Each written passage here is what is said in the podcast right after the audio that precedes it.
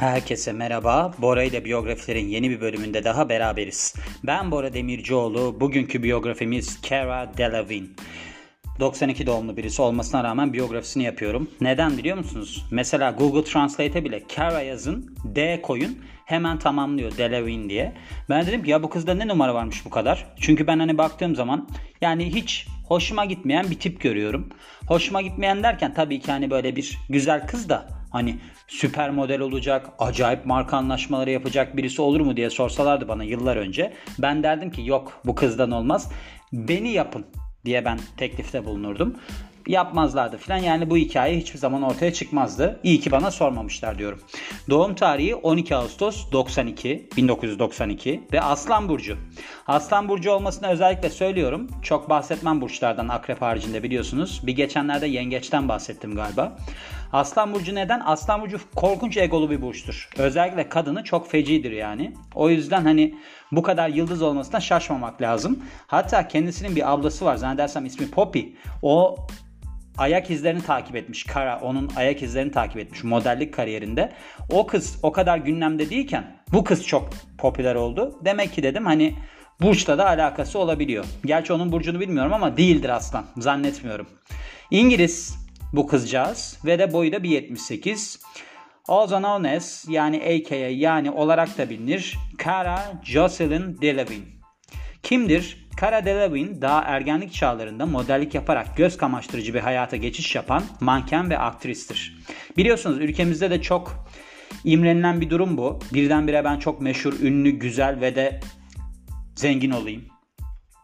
Onu çok biz imrenerek izleriz. Şöyledir hatta Bundan bir 10 sene önce sokakta bir röportaj yapılmıştı. Böyle soruyorlar insanlar ne olmak istersin, hayalindeki meslek ne diye. Herkes oyuncu diyordu. Sonra onu böyle bir oransal bazda da hatta anket çalışmasına dönüştürmüşlerdi. Türk insanının %80'i oyuncu olmak istiyordu. Okulu takiben Londra temelli model ajansı Storm Model Management'la sözleşme imzaladı. Kariyerine devam ederken Burberry'nin ilkbahar yaz 2011-2012 kampanya yüzü oldu ve 2014-2014 aman 2012-2014 yıllarında ise iki kez British Fashion Awards'ta yani İngiliz moda ödüllerinde Model of the Year yılın modeli seçildi. Burberry, Dolce Gabbana, Moschino, Fendi, Marbury gibi markaların ve Jason Wu ve Oscar de la Renta gibi tasarımcıların defilelerine çıkmıştır. Aynı zamanda Vogue UK, Rush, ID, Jealous ve Love gibi moda dergilerinin kapaklarında ve Chanel, Zara, H&M reklam kampanyalarında yer almıştır. İlk film çıkışını tarihsel aşk filmi Anna Karenina ile yaptı. Yapmıştır. Yaptı diyeceğim böyle bir gerçek kesit Türkçesi kullanmaya karar verdim bu biyografide. Birkaç filmde daha yer aldıktan sonra Paper Towns filmindeki baş karakterlerden biri oldu. Öne çıkan diğer filmleri arasında Suicide Squad, Suicide, e tabi, Suicide, Suicide Squad. Telaffuzunu bir anda şaşırdım. Ve London Fields vardır. Models.com'un 2013'teki 50 top model listesinde 17. olmuştur. Şimdi burada 50 Top Models da diyebilirdim ama 50 Top Model diyelim yani. Sıradaki filmler arasında bilim kurgu aksiyon Valerian and the City of a Thousand Planets ve tarihsel drama Tulip Fever vardır. Çocukluk ve ilk yıllarına bakalım. Üç kız çocuğun en küçüğü olarak 12 Ağustos 92'de dünyaya geliyor.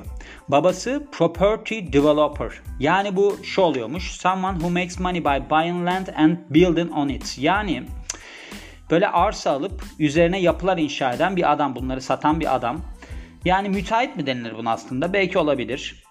Babası tarafından olan büyük büyük babası Hammer Greenwood, Kanada doğumlu İngiliz avukat ve politikaymış, politikacıymış ve 1920-22 yılları arasında İrlanda'nın son İngiliz kabine üyesiymiş.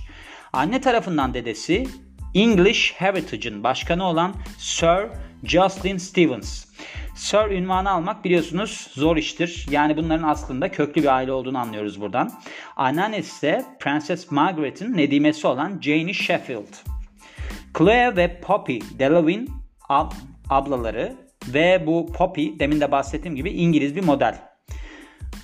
Condé Nast International'ın başkanı Nicholas Coleridge ve İngiliz aktris, yazar ve köşe yazarı John Collins vaftiz baba ve annesi. Dünyanın en lüks yerlerinden biri olan Belgravia Londra'da büyüyor ve Londra'nın merkezindeki Frenhas Holland School'da eğitim görüyor.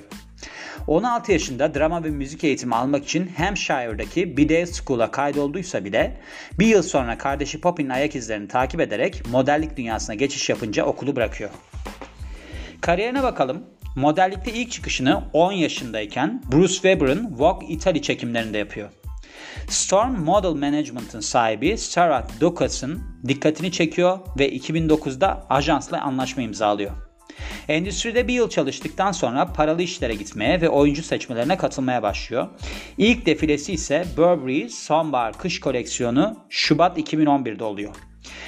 London Fashion Week'te olmuş bu. Ve bu kez de Burberry'nin baş tasarımcısı zannedersem bu adam Christopher Paul Bailey'nin dikkatini çekiyor ve böylece Burberry 2011 ilkbahar yaz kampanyasında yer alıyor. Sürekli bir dikkat çekme durumunda kız fark ettiniz mi? Mesela benim öyle bir durumum hiç olmadı. Hani birilerinin dikkatini çekmek falan gibi. Belki de çekmeye de çalışmadım. O da ayrı bir konudur. Ama çalışsaydım da sonuç alacağımı düşünmüyorum.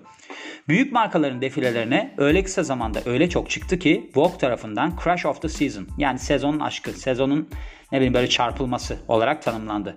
Modellikteki başarısına ek olarak 2012 tarihi aşk filmi Anna Karenina'da Keira Knightley ve Jude Law'la oynadı.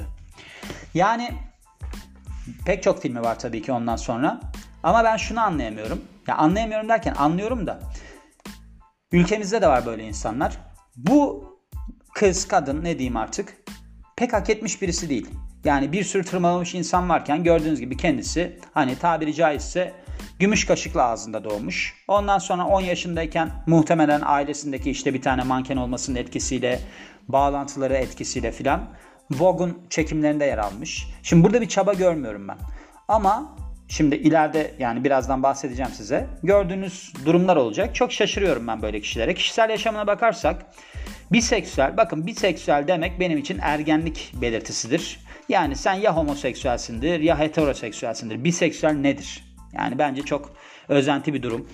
Öyle düşünüyorum. Benim fikrim. Sam Vincent sahne adıyla tanınan Annie Clark'la ilişki yaşadığını Haziran 2015'te kabul etti. İlişki Eylül 2016'ya kadar sürdü. Bundan önce ise İngiliz şarkıcı Harry Styles'la beraberdi. Bu da One Direction diye bir grup vardı ya orada bir üye. Yani bu Harry Styles erkek. Annie Clark da bence bu kadından çok daha güzel olan bir kadın. Yani biseksüelliğini buradan anlayabiliyoruz. Hem kadınlarla hem erkeklerle ilişki yaşamaktan hoşlanıyor kendisi. Dediğim gibi benim çok anlayabildiğim bir cinsel tercih değil bu biseksüellik. Haziran 2015'te Vogue'a verdiği röportajda şöyle bir şeyden bahsetmiş. Haziran 2015'te diyor. Yani zaten 92 doğumlu. 23 yaşındayken vermiş. 15 yaşındaki depresyon atağından bahsediyor. Vay anam vay.